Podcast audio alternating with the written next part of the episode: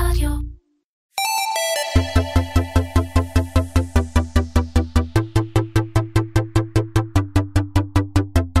Commersation, מדברים על אי-קומרס עם תימור גורדון.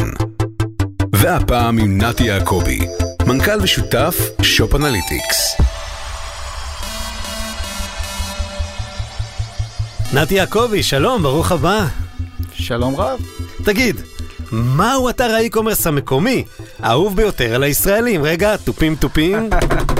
אז אתר האי-קומרס האהוב ביותר על הישראלים שייך לחברה שעשתה המון כסף בקורונה, לחברה שהיא מובילה תחום בשוק שלה, לחברה שהיא הסתערה מאוד מוקדם על האי-קומרס, שקוראים לה שופרסל. וואלה, כן. באמת הפתעת, ותכף נשמע קצת יותר על הדבר המיוחד הזה שעשיתם, כי אנחנו גם נציג כאן וגם נדסקס, אתה יודע, נג'נגל בינינו נכון. על אה, סקר האי-קומרס שערכתם ב Shop Analytics, במיוחד עבור הפרק הזה של Commersation.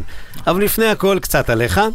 אה, את רוב הקריירה שלך, ומשם אתה בעיקר מוכר בברנז'ה, עשית בקבוצת יפעת. היית שנים ארוכות בתור מנכ"ל יפעת בקרת פרסום. במקביל, הקמת ביחד עם פרופסור גדי וולפספלד את חברת יפעת מחקרי מדיה, שהפכה להיות כלי עבודה בתחום מחקרי התקשורת. אתה, נתי, אתה היזם, שזו הפעילות שלו במשולש שבו נפגשות הדאטה עם המחקר והטכנולוגיה, וגם, מי שלא מכיר, מאמן ויועץ עסקי לעסקים פעילים בתחומי טכנולוגיה, תקשורת ומחקר. בינואר 2020, speaking of קורונה, הקמת את Shop Analytics, שתכף נשמע להרבה. זאת בשותפות עם יפעת, חברים שלך משכבר הימים. נכון.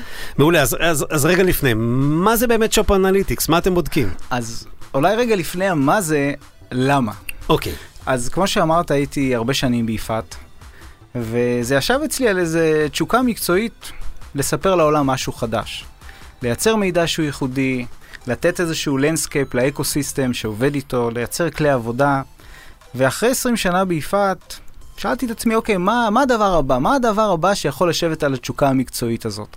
ובאמת עשיתי סיבוב מאוד ארוך בעולמות הביג דאטה, סייבר, algo trading, סלולר, אי-קומרס, אי-קומרס, חזרתי לאי-קומרס, ולמה חזרתי לאי-קומרס? כי באי-קומרס יש לקונה. זה תחום שהוא צומח בטירוף, בלי קשר לקורונה, ואף אחד לא באמת יודע מה קורה שם. ואני החלטתי לנסות לפתור את הדבר הזה. כלומר, לתת כלי עבודה למי שעוסק באי-קומרס. ולכן הקמנו את Shop Analytics.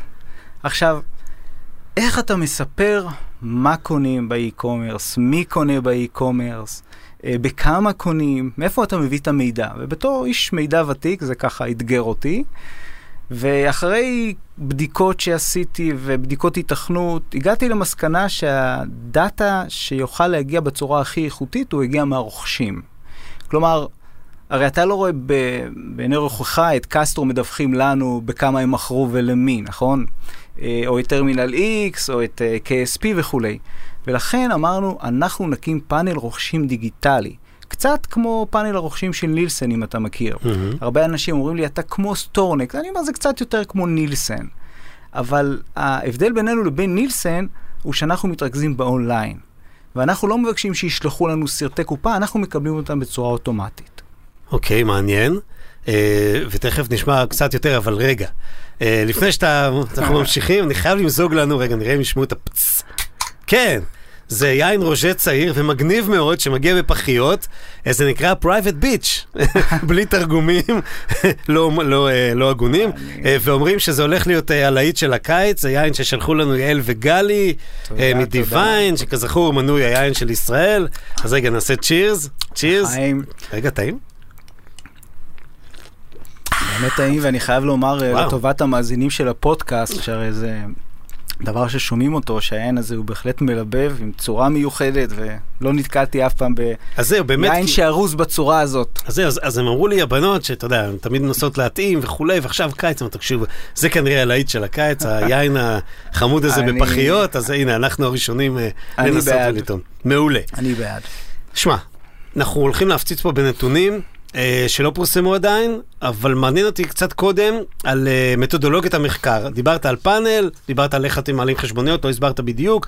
איך באמת זה עובד? זאת מאחורי הקלעים כדי לי- לייצר את המהימנות שאליה אתה אה, שואף להגיע ומגיע מול הלקוחות שלך, כמו גודל פאנל, טכנולוגיה ייחודית, איך זה עובד? אוקיי, שאלה מצוינת. אז למעשה יש לנו היום אה, קרוב ל-2,500 איש במדגם שהוא מדגם מייצג. אגב, גם באי-קומרס זה חצי גברים, חצי נשים, כמו באוכלוסייה האמיתית, רק שהם קונים דברים שונים בדרך כלל. אה, אז אנחנו הצגנו את אוכלוסיית הרוכשים באי-קומרס, 2,500 איש, שנתנו לנו אישור תמורת אה, תגמול והגרלות ותחזוקה שאנחנו עושים להם, להוריד איזשהו קליינט טכנולוגי שיאפשר לנו אה, לשבת על תיבות המייל שלהם. וזה יוצר מצב שברגע שהם מבצעים רכישה, אז הם מקבלים את המייל, ואנחנו מקבלים את המייל ביחד איתם. כמו עותק לצורך הדיון? כן. אוקיי. Okay. וככה אנחנו חשופים למעשה לכל מה שהם קנו. אה, אנחנו יודעים אה, מי קנה, כי חשוב גם לומר שאנחנו, יש לנו לפחות עשרה פרמטרים דמוגרפיים על הפאנל הזה, מין, גיל, אזור מגורים, השכלה, דתיות וכולי. אנחנו יודעים מאיזה אתר הוא קנה, וזה ממש לא משנה לנו אם זה אתר ישראלי או בינלאומי, זה ממש לא משנה לנו אם הוא קנה את זה מאפליקציה או מאתר הדסקטופ, הרי בסוף זה מגיע למייל שלו. ואנחנו יודעים אה, מה הוא קנה, מה הוא קנה עד רמת התוספת שבפיצה. עכשיו בוא אני אשאל אותך שאלת טריוויה, עשינו לא מזמן מחקר על פיצות, על הזמנה של פיצות כן. הביתה. כמה אחוז מהאנשים מזמינים פיצה לדעתך עם תוספות וכמה בלי תוספות? Um, ילדים קוראים לזה פיצה בלי כלום, אז הייתי הולך על 50-50. אוקיי. אז לא, לא, יש רוב מוחץ לפיצה עם תוספות. אוקיי. 85% מהפיצות זה עם תוספות. כי אצלי בבית זה 50-50, במדגם שלי. אז אנחנו אף פעם לא מייצגים כנראה את האוכלוסייה. אה, אז זה 85% ממי שמזמין פיצה זה עם תוספות, השאר זה פיצה נקייה. אגב, מתוך התוספות, אני mm-hmm. אספר לך שהתוספות הפופולריות הן גבינה, זיתים ופטריות. אתה יודע מה התוספת הכי פחות פופולרית שמזמינים? טונה, תירס? אלה איפשהו באמצע. קלמרי? בטטה. אוקיי. עם ישראל פחות אוהב פיצה עם בטטה. זה קטע, כי, כי אני שמעתי הרבה על ה... שפטריות הוא נורא פופולרי בישראל. מעניין. כן, אז אני אומר, גבינה, פטריות וזיתים זה ה top 3, מה שנקרא. באמצע יש את כל הטונה, טונה, אננס, אה, תירס וכאלה. אוקיי. פפרוני. אה, הפודקאסט הזה הוא בחסות דורמי, לא, סתם, אוקיי. לא, עכשיו, תראה, יש להם המון עוצמה, אנחנו נדבר קצת בהמשך, אני מניח, על הזמנת מזון הביתה, אנחנו רואים פשוט שהתחום הזה הוא בעלייה מתמדת. אה, אז אה, היות ואנחנו רואים באמת את ההזמנה ואנחנו יודעים את הדמוגרפיה, אנחנו יכולים לדעת, לדוגמה, את המלאי שנמכר, הפריטים הפופולריים. אה, דברים מעניינים כמו ייצוג יתר, ייצוג חסר. אני אתן לך דוגמה. Yeah. למשל בקרב uh, הירושלמים, שאנחנו בוחנים רכישה של מוצרי בריאות, תוספי תזונה, ויטמינים וכולי, אתה יכול לראות שיש ייצוג חסר בקרב הירושלמים. כלומר, אם יש 13% מהמדגם שהוא ירושלמים, שזה פחות mm-hmm. ירושלים והסביבה, מה שנקרא, הם uh, מהווים חמישה אחוז מהרוכשים okay. ש- אוקיי. של המוצרים האלה. אצל התל אביבים יש ייצוג יתר. Mm-hmm. אז אתה יכול להבין גם כן באמת את, ה- את הייצוגיות. אתה יכול להבין דבר שהוא מאוד חשוב כמו תדירות קנייה. למשל, בתחום האופנה, שאתה בוחן רבעון, אתה יכול לראות ששני שלישים מהקונים, הם קונים לפעמים גם שלוש או ארבע או חמש פעמים, וגם במספר אתרים. אתה, אתה לא רואה את זה בתחומים אחרים. Mm-hmm. אז, אז הצורת עבודה שלנו והמימוש של הפתרון שלנו, של הניטור, נותן לנו אפשרות לראות כל מיני דברים. וזה, וזה אותם כמה פאנליסטים, אמרת? אותם 2,500. אותם 2,500, בעצם אתם יושבים על הדאטה ו- ומאבדים אותו כל הזמן. נכון. ומציעים את הדוחות ברמה או אד הוק או חודשית בעצם? נכון, יש לנו דוחות רבעוניים, שזה היותר נפוץ, אבל יש לנו לקוחות שמבקשים לקבל ממש את הגלם, כלומר רוצים mm-hmm. לראות את כל מה שקנו, mm-hmm. רוצים להבין סלי קנייה. תראה, הלקוחות שלנו מתחלקים למספר סוגים. אה, קודם כל החברות הגדולות. החברות הגדולות, יש להן מה להפסיד. Mm-hmm. לאי-קומרס חוקים משלו, אני חוקר את התחום הזה שנה, שנה וקצת, וכבר הספקתי להבין שזה זירה שונה לגמרי. כשאני התחלתי עם זה, לא יכולתי להאמין ש-KSP, שאני מכיר אותו בתור, אה, אתה יודע, רשת חנויות כן. למחשבים, מסכים וכולי, זה אחד הפס... האתרים הגדולים למכירת פסמים בארץ. אז uh, אני אומר, החברות הגדולות מנסות להבין נתחי שוק, מנסות להבין את כל הנושא של היבוא הפרללי, אתה יודע, חסמי כניסה הם יחסית נמוכים. וזה סוג אחד של לקוח. סוג אחר של לקוח זה יכול להיות uh, זכיין ישראלי. זכיין ישראלי שמשלם לא מעט כסף כדי להיות בלעדי, אבל מה לעשות שהישראלים קונים את המותג שלו מכל מיני אתרים, גם בחו"ל וגם בארץ, אפרופו יבוא mm. פרללי. אז הם גם רוצים לדעת מה קורה. Uh, סוג אחר זה באמת יכול להיות uh, אתרי אופנה שרוצים להבין סלי קנייה, איזה שילובים עושים, תיק כזה עם חולצה כזאת, עם נעליים כאלה וכולי. מבחינת לקוחות מיוחדים, אני קורא לזה, אז אנחנו עובדים אה, לא מעט עם חברות המזון הגדולות, ששמו להם למטרה לצאת מרצפת הסופרמרקט. הן רוצות להבין מה הדבר הבא. אה, אני יכול להגיד לך שמאוד מעניין אותם גם כל הנושא של וולט, טנביס, משלוח, מה אנשים מזמינים הביתה, מתוך הבנה שהטרנדים פורצים מזה. אה, לקוחות אחרים שיש לנו, תאמינו לו, חברות אה, שליחויות, רוצות לדעת מי עושה את הלסט מייל, עם איזה חברות, אז אנחנו גם נותנים להם את הדאטה הזה. ואנחנו גם התחלנו לדבר לאחרונה עם גופים מתחום הרגולציה של הבריאות, שמעניין אותם להבין סלי קנייה בריאים, האם הישראלים קונים דברים בריאים שהם מזמינים בסופרמרקט וכולי, אז מגוון האפשרויות ברגע שאתה רואה את הכל, כמו שאמרתי, עד רמת התוספת של הפיצה, הוא די גדול ואתה יכול להעניק אה, מידע רחב. מעניין. ואם אה, לקוחות רוצים אד הוק, זאת מחקר שלא נמצא על הסל כרגע, אבל משהו בלעדי לקראת אה, בדיקת קטגוריה כזו או אחרת, כניסה אליה? אז אתם יודעים לייצר. לגמרי. על סמך אותם נתונים. לגמרי. מעולה. אז טוב, עשינו פה כמה טיזרים לגבי זה שאנחנו יכולים לספר פה כמה סיפורים מעניינים על האי-קומרס הישראלי, לפי אותו uh, סקר uh, שערכתם במיוחד עבור הפרק הזה של קומרסיישן. בואו נשמע קצת תוצאות, מה דעתך? בכיף, בשמחה. יאללה, מעולה.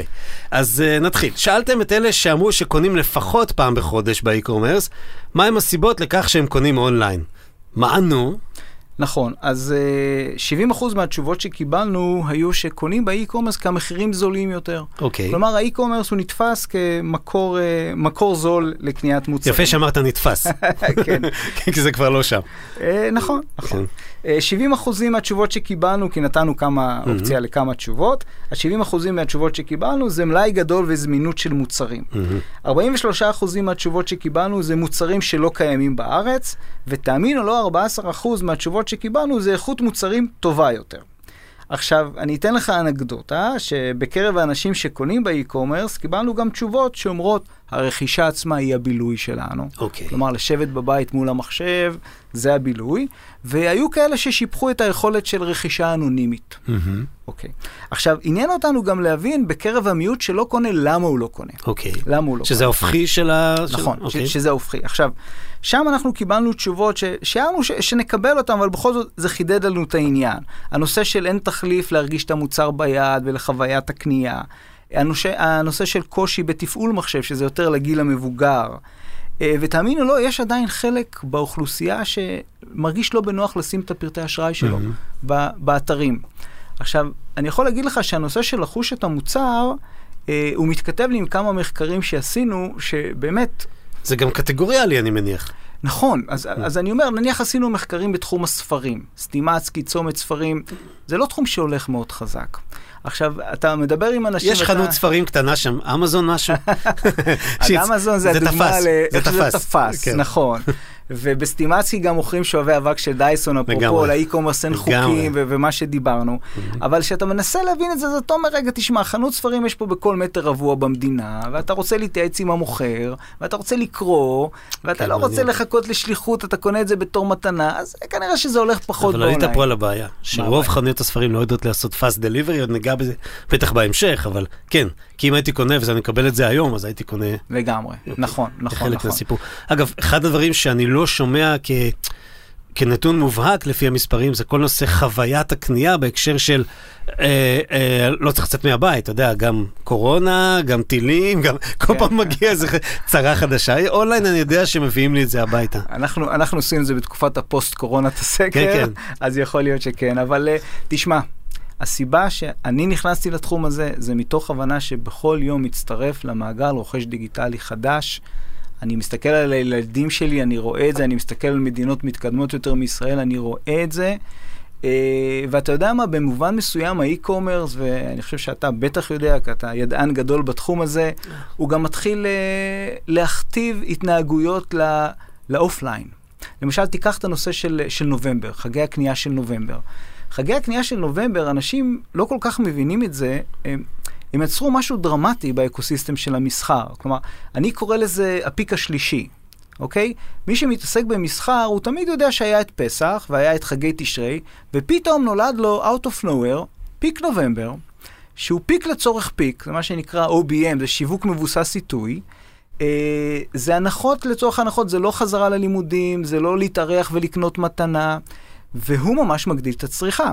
אז אתה, אתה פשוט רואה שה, שהמבצעים גם זולגים לקניונים. אתה הולך לקניונים בנובמבר, אתה רואה כתוב על החנויות, מבצעי, אתה יודע, Black Friday.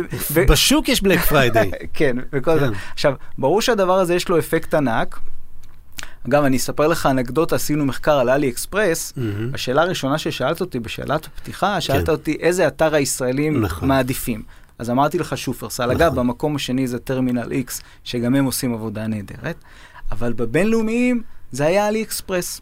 עכשיו, אלי אקספרס הוא אתר עם, אני חושב, הכי הרבה אינטראקציות מכירה.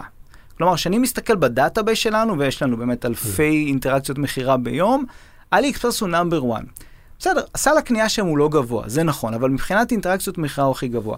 אנחנו ראינו את זה אה, ב, ב, בחג הרווקים הסיני בנובמבר. אתה יודע, חג, חג הרווקים הסיני, למי שלא יודע, זה ב-11 ל-11. מי שמקשיב לקומרסיישן, לא צריך להסביר לו.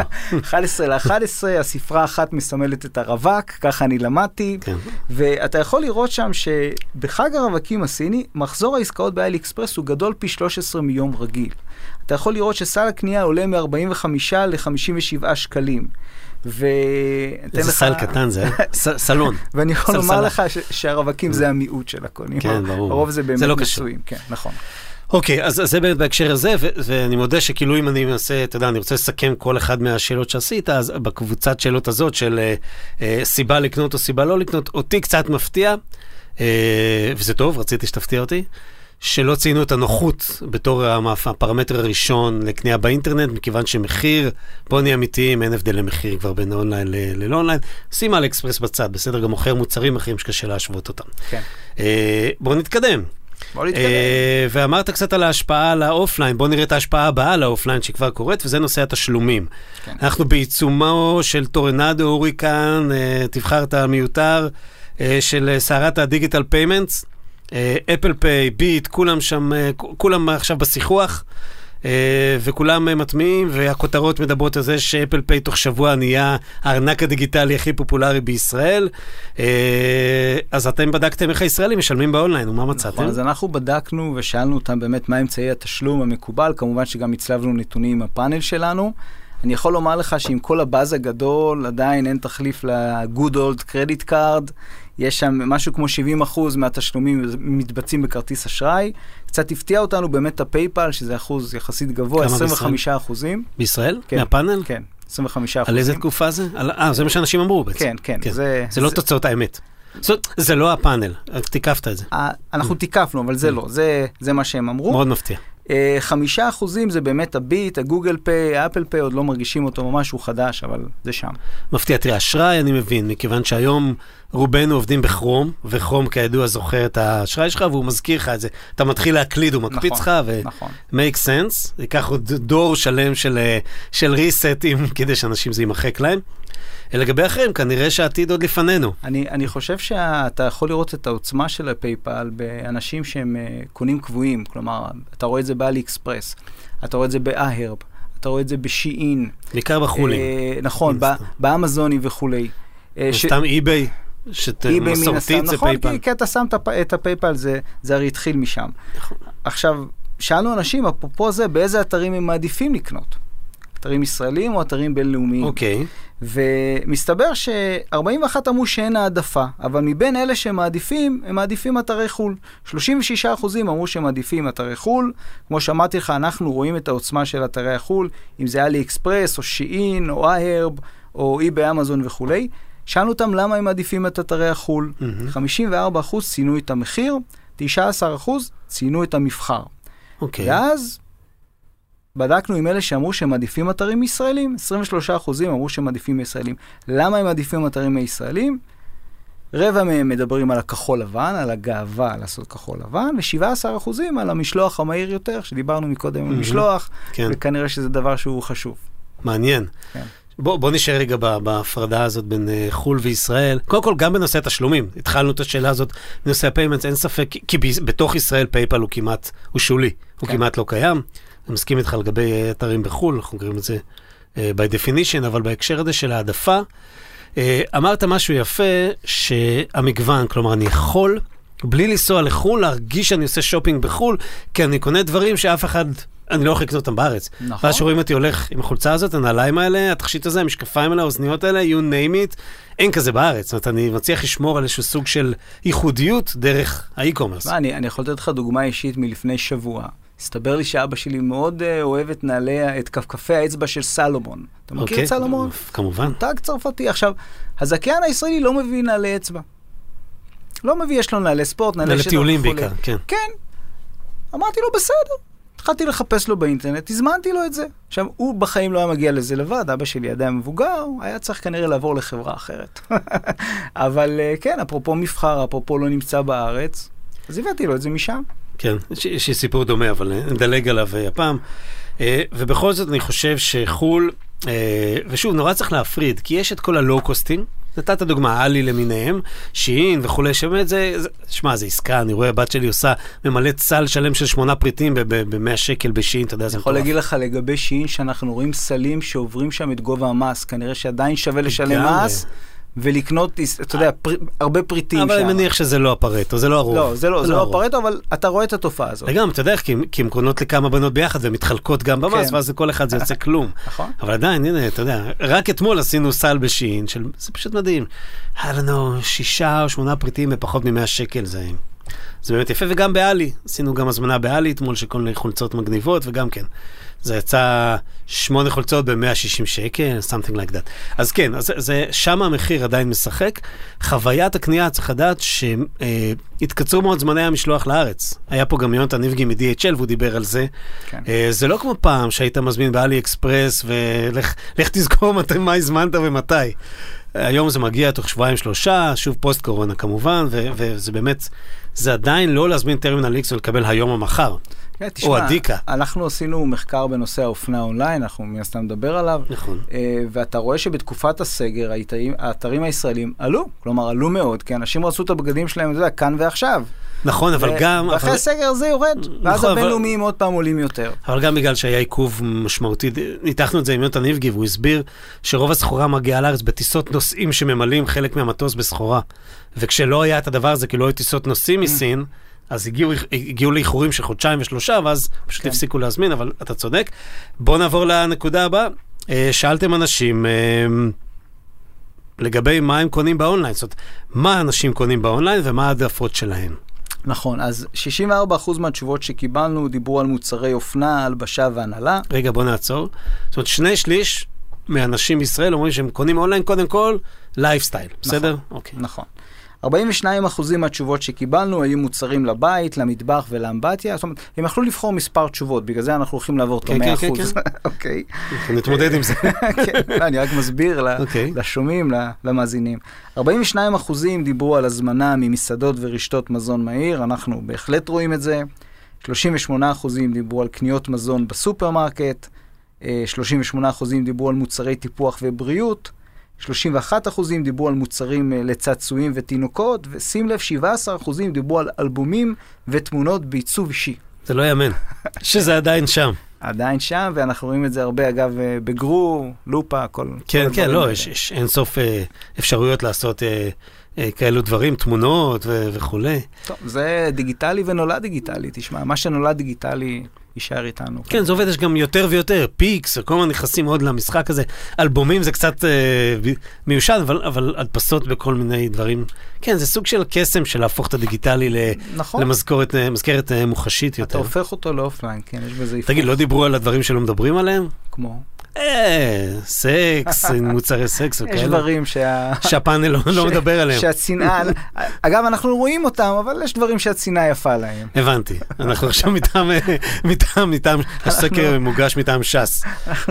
אנחנו, רואים הכל. כן, אבל בדברים המעניינים, אני תפסתי פה באוזן את... אה, אגב, אני חייב להגיד למי ששומע, אני פעם ראשונה שומע את המספרים האלה, אז ביקשתי מנתי לא לדעת לפני.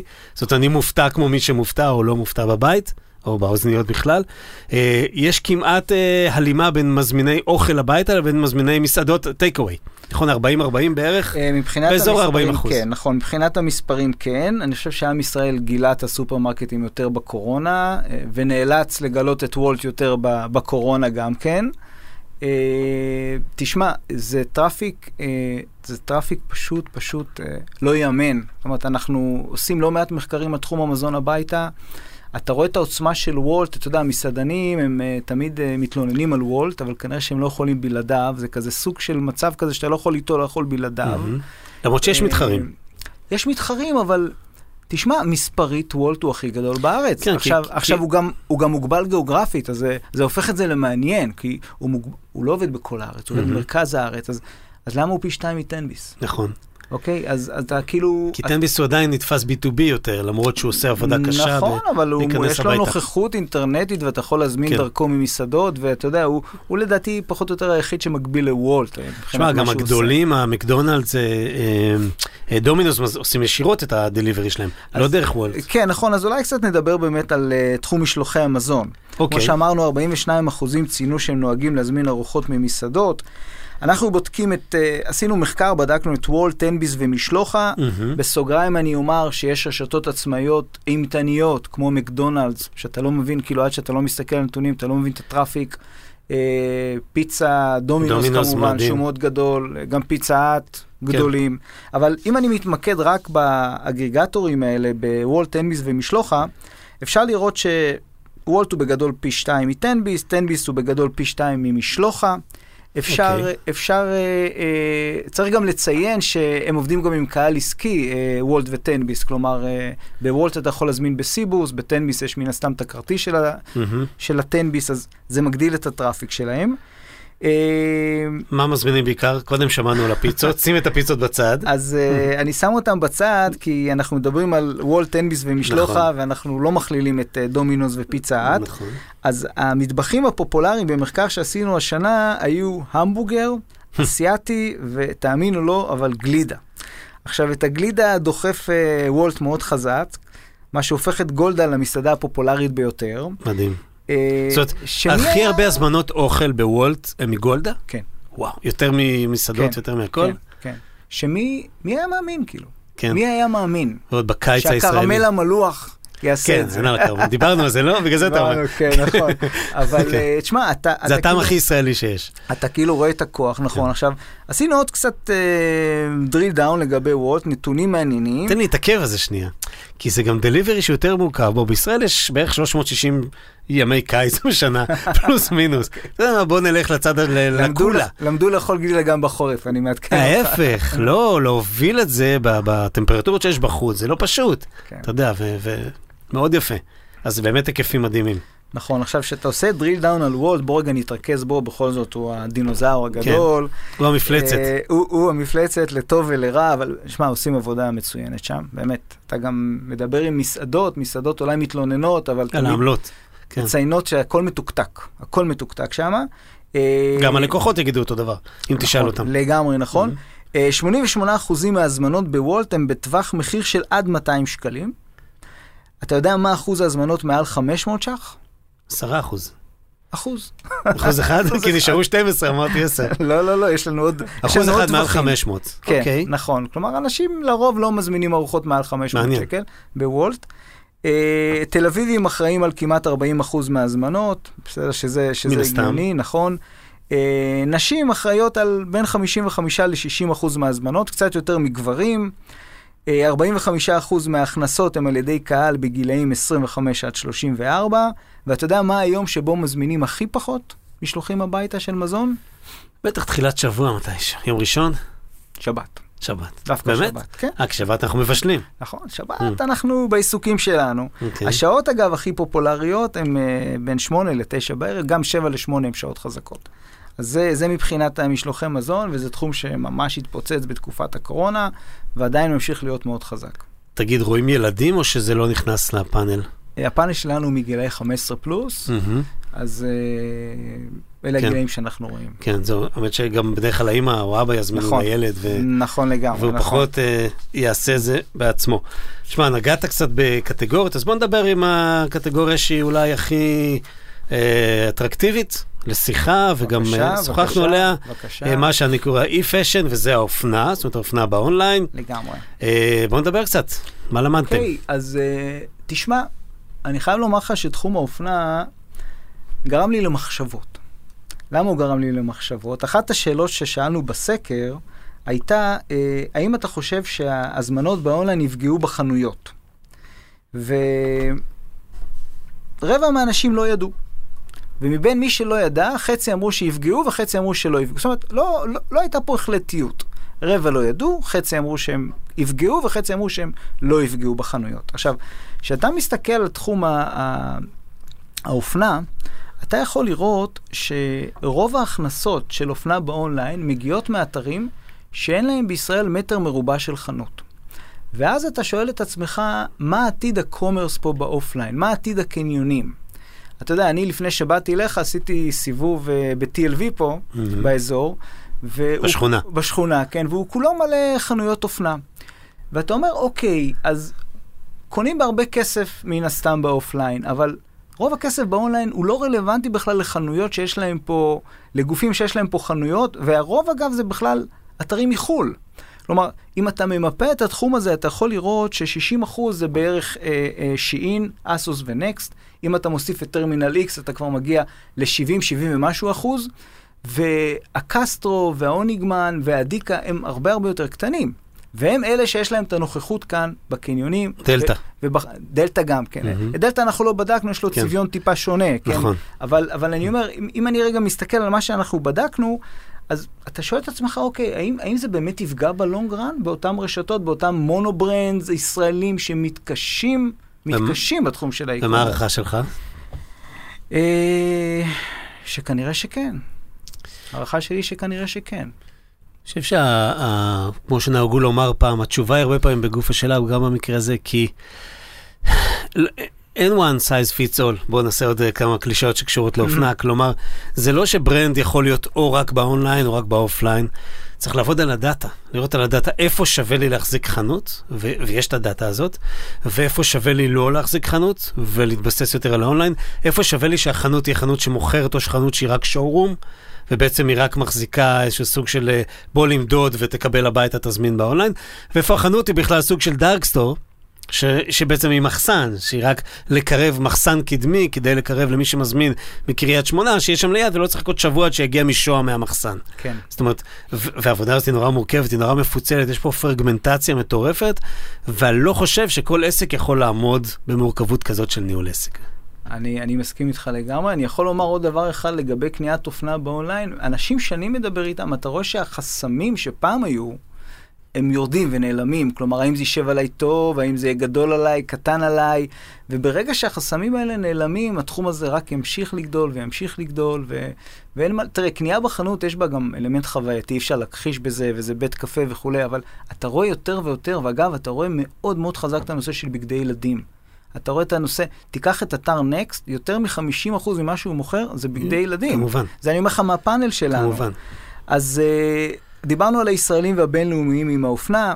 רגע, בתוך האופנה. כן.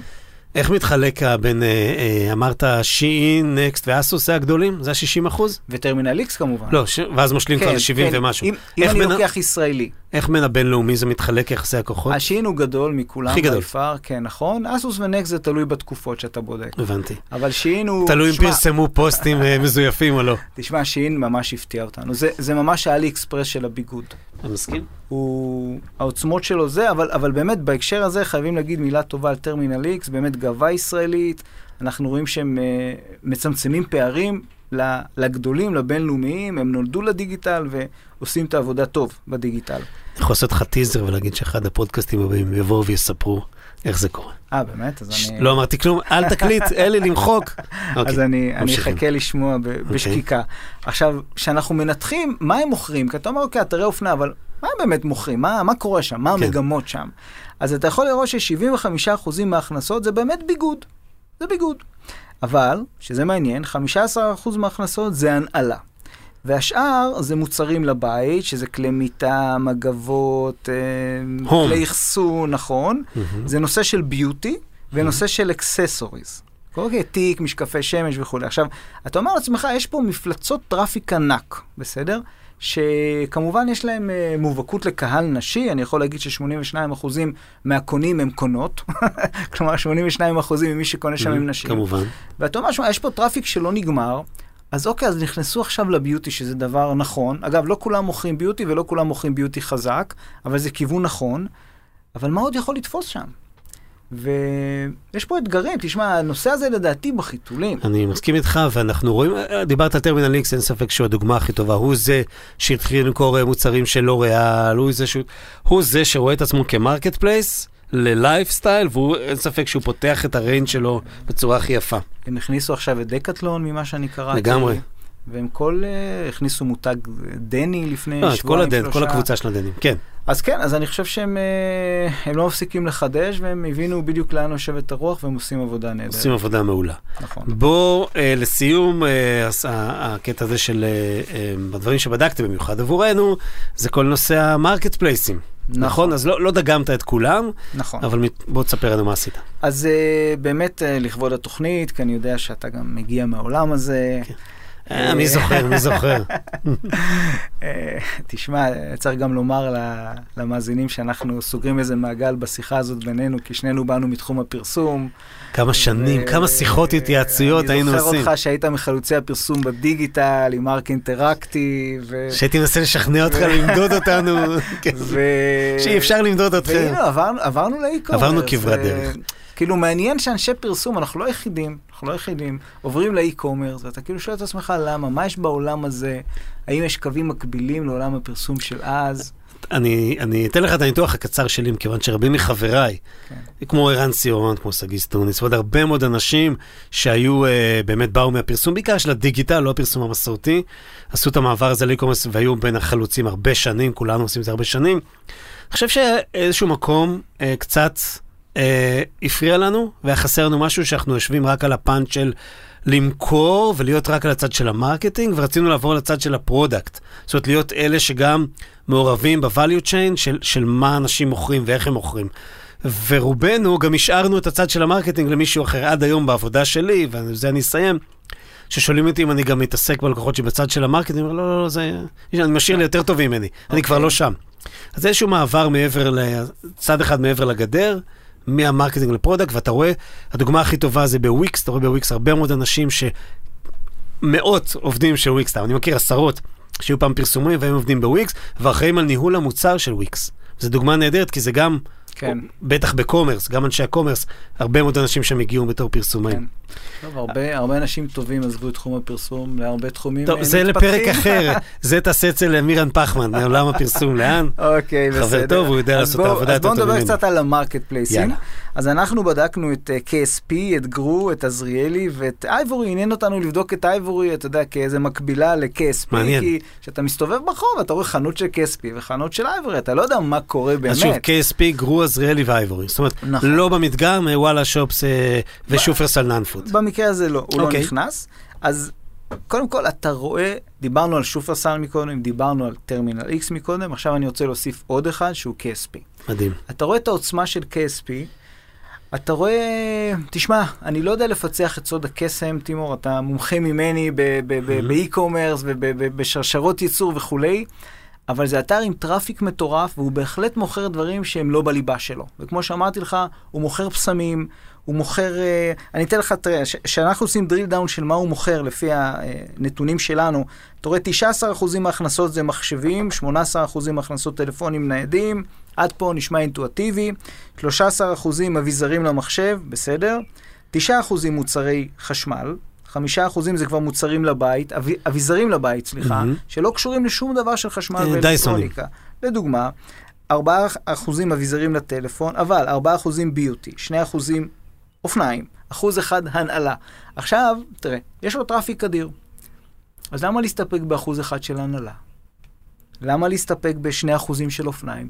אתה לא יודע לאן הדברים האלה יכולים ללכת, אתה רק יכול לשים את האצבע על המגמות. מבחינת עוצמות, KSP הוא גדול לפחות אה, פי חמש מהאייבורי. כלומר, זה לא ממש כוחות מה שקורה שם. אני לא יודע מה הם פוצחו לעומת Mhm. מה שהאייבורי לא פיצחו. לא, גם צריך לזכור שהם מקדימים אותם בשנתיים. אייבורי נכנסה יותר מאוחר לתחום הזה, הבנתי. של אז- ה market אז place. בהחלט רואים את זה. כשאנחנו את, כשאנחנו בוחנים את KSP לעומת גרו, אנחנו רואים שם בערך פי שתיים הכנסות מגרו, ולגרו יש בערך פי שתיים הכנסות מעזריאלי. זה מה שאנחנו רואים. Uh, אגב, מבחינת uh, KSP וגרו, אמרנו פי שתיים הכנסות, אבל כמות ההזמנות היא די דומה. מה שמעניין זה שבמקרה של KSP סל הרכישה הוא הרבה יותר גבוה. גבוה, ולכן בהכנסות האחוזים הם הרבה יותר גבוהים. עכשיו בואו רגע נדבר על עזריאלי. אותי מאוד הפתיע לראות במחקר הזה, שבערך שליש מההכנסות של עזריאלי מגיעים ממוצרי תינוקות.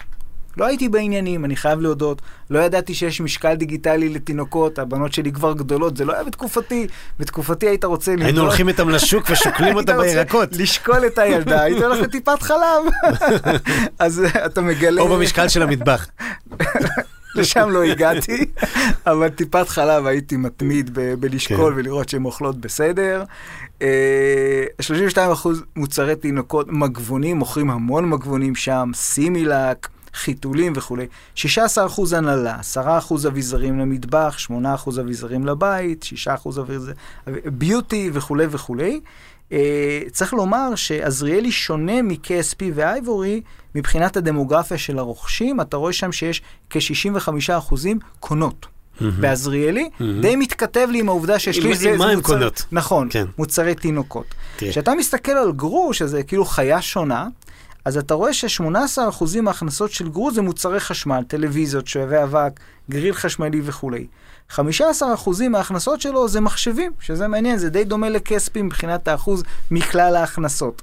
16% זה אביזרים לבית, 9% זה ריהוט. אגב, אחד הדברים שמאוד חזקים בגרו, ואתה פחות רואה את זה ב marketplaceים האחרים, זה כל נושא המזון אה, ו accessories לבעלי חיים. אוקיי. קטגוריית הבעלי חיים מאוד חזקה בגרו. אנחנו רואים את זה, אה, יש שם 7% אביזרים למטבח וכולי וכולי. מעניין. כן. תראה, אני חושב שאם אם ננסה להתייחס, אתה יודע, קצת לעלות למעלה ולראות מלמעלה את כל נושא ה marketplaceים אה, שדיברנו עליהם, וכן נוסיף כרגע בשביל הדיון גם את אה, וואלה שופס וגם את, אגב, בא לי גם, זה של גרו, אז גם בא לי גם, גם את, אה, אה, את שופרסל non-food וגם אחרים שעושים אה, מכירות כאלה ואחרות פנים ישראלים, ויש עוד המון מיני marketplaceים כאלה. צריך לדעת שבסוף כולם מאוד דומים. בסדר, הם מאוד דומים מבחינת המגוון, כמו שידעת להגיד, ומבחינת uh, המחירים, ובסוף זה איזשהו שוק שהוא, אם מישהו ינצח אותו, כרגע זה יראה כזה שהוא ייתן שירות יוצא דופן. כי שירות יוצא דופן מנצח, כי אוקיי, זה תמיד עובד לי איתם. אגב, KSP נותנים שירות לא רע בכלל, על אף כל הפוסטים נגדם שאתה יכול למצוא בכל מקום. אוקיי. בתור אחד שקנה שם הרבה מאוד פעמים, אני יכול להגיד לך שנותנים בסך הכל שירות טוב, יש להם מגוון טוב, יש להם זמינות טובה, שאלת מה הסוד שלהם, מה זה זמינות? זה אומר שאחוז מאוד גבוה מבין הפריטים המוזמנים קיימים במלאי, אוקיי. בגלל רשת החנויות שמשמשת לפחות תיאורטית גם כסוג של מחסנים מבוזרים על פני מדינת ישראל. אבל אני רוצה להגיד שבסוף המלחמה פה היא מלחמה של סאם זירו, זאת אומרת, אני לא רואה כרגע במבנה הנוכחי, ותיארת את זה מצוין מבחינת יחסי הגודל, מישהו שלוקח את השוק. אה, ושוב, אני מכניס גם למשוואת וואלה שופס ושופרסל שהם יותר גדולים קצת מאחרים, אף אחד לא בא ונהיה אמזון עדיין. אני חושב שלשופרסל היה רעיון לעשות את זה, נכון? לפני כמה שנים הם השיקו אתר, סוג של marketplace. היה אמריקן אאוטלט, הוא כבר לא קיים, Outlet, הוא- נכון. הוא כבר לא- הוא כבר לא שלהם, הוא קיים, הוא כבר לא שלהם, כבר יצאו מהשותפות הזו. פחות צלח. נכון, זה אולי הקדים את זמנו, לא יודע, אני לא נכנס כרגע לניתוחים, אני גם עובד עם שופרסל, אז אני לא יכול להגיד כל מה שאני יודע. מה שאני כן רוצה לומר, שחייב לקרות פה איזשהו סוג של מפץ כדי שמישהו ייקח את השוק, אחרת כולם ימשיכו בצמיחה אורגנית מאוד מאוד איטית, ופעם זה יעלה, דיברת על אייבורי, אני חושב שאייבורי הוא כן הכוכב העולה הבא, מכיוון שהוא. נכנס הכי מאוחר, כיוון שבסך הכל עושים עבודה טובה, כן. אה, ואין ספק שצריך, אם כבר לסכם את המשפט הזה, אז, אז מחיאות כפיים ל-KSP, אני חושב שהם עושים לגמרי, כן. יופי של עבודה, וגם בתור לקוח, אני חייב להגיד שאני מאוד מאוד נהנה לקנות מהם. יש עוד משהו שלא הקפנו מהסקר המדהים שלך? אה, אני חושב שבגדול הקפנו, הקפנו את הכל. כי אני מאוד אה, נהניתי ללמוד דברים חדשים. כמובן שאנחנו גם אה, נפרסם איזשהו מקום שאי אפשר גם לקרוא אותו. נכון. מה שתאשר, לא בתשלום, לא, לא. אוקיי? יהיה אפשר לקרוא אותו. תגיד, שאלה קצת, אני לוקח, הנה, זזתי עם הכיסא אחורה. ככה זה שלוק מהיין כזה, כי זו שאלה אישית. אוקיי, רגע, שנייה. ממש יין טעים. כמו שעושים. מאוד. תגיד, התחום שלך, נקרא לזה תחום המחקר של ה e-commerce, אני בכוונה קצת מרדד את השיח, מחקר של ה e-commerce. מחקר טכנולוגי נקרא לו. אוקיי, אבל בהקשר שלי, של כן. שלנו, של ה e-commerce. לאן זה הולך? כאילו, מה הצעד הבא? מה הדבר הבא? איפה נוכל למצוא את שופ אנליטיקס בעוד, I don't know, שלוש שנים, ארבע שנים? רגע, אתן לך איזשהו זווית. האם זה משהו שאי אפשר לצמוח בלעדיו? זאת אומרת, לכיוונים הזה אני... תראה, אני, אני, חושב ש... אני חושב שאנחנו כרגע חלוצים. אה, אני חושב שכל מי שמתחיל להתבסס בתחום ה e-commerce הוא, הוא חלוץ, כי הדבר הזה הולך מאוד להשתנות. אני חושב, ש... אני חושב ומקווה שבעוד uh, מספר שנים uh, לא, לא יהיה אפשר לעבוד בשוק בלי כלי עבודה מהסוג הזה. ואם אני מסתכל על האבולוציה של כלי העבודה האלה, כמובן חוץ מפאנל הרבה יותר גדול, ואנחנו כל הזמן ממשיכים להגדיל את הפאנל שלנו, אני רואה אותו הרבה יותר uh, אוטומטי, דשבורדי, אונלייני, עם אלרטים, עם פושים, עם אפשרויות לעשות פעילויות וכולי.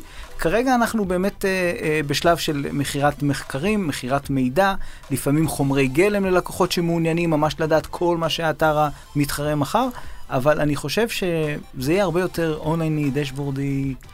אה, מעולה. ממש hands on ברמת האייטם על בסיס יומי. כלי עבודה למנהלי e-commerce ברחבי המדינה, בכל הגדלים ובכל הצורות. לגמרי. נשמע מעולה, תשמע, אנחנו בתור הפודקאסט של האי-קומרס הישראלי נשמח להיות האכסניה לפרסומים. אה, שלך מפעם לפעם. אה, אולי נעשה איזשהו, אתה יודע, special כזה רבעוני או שנתי או כן. חציוני. אה, אחרי שנסגור את המיקרופון נראה מה. אז אני חייב להגיד לך תודה, נתי. תודה לך על האירוח. שבאת ולימדת אותנו על דברים חדשים, במה באמת קורה ואיך אנשים תופסים את ה e-commerce הישראלי ברמת המספרים והמחקר, ולא כמו שנהוג לעשות עם האצבע, כל אחד חושב לאן שהוא חושב, פה זה מספרים, פה זה נתונים. אה, שאפשר כמובן אה, לתקף אותם. אז אה, תודה על השיחה. תודה גם לאלי אלון מביזי. אלי, איזה כיף לחזור. אה, אי אפשר לשמוע אותו, שכחתי. אוקיי. ממש כיף לחזור אחרי חודש הפסקה, וכמובן לחברת אדיו שהיא נציגת ספוטיפיי בישראל. שמענו אותך? לא שמענו אותך. רק אנחנו שומעים אותו באוזניות. אלי אומר סבבה. תודה אלי. אז חבר'ה, תודה, אנחנו מקווים שנהניתם כמונו. תודה אחרונה לנתי יעקבי. תודה לך, תימור. כפיים. ונתראה בקומרסיישן הבא.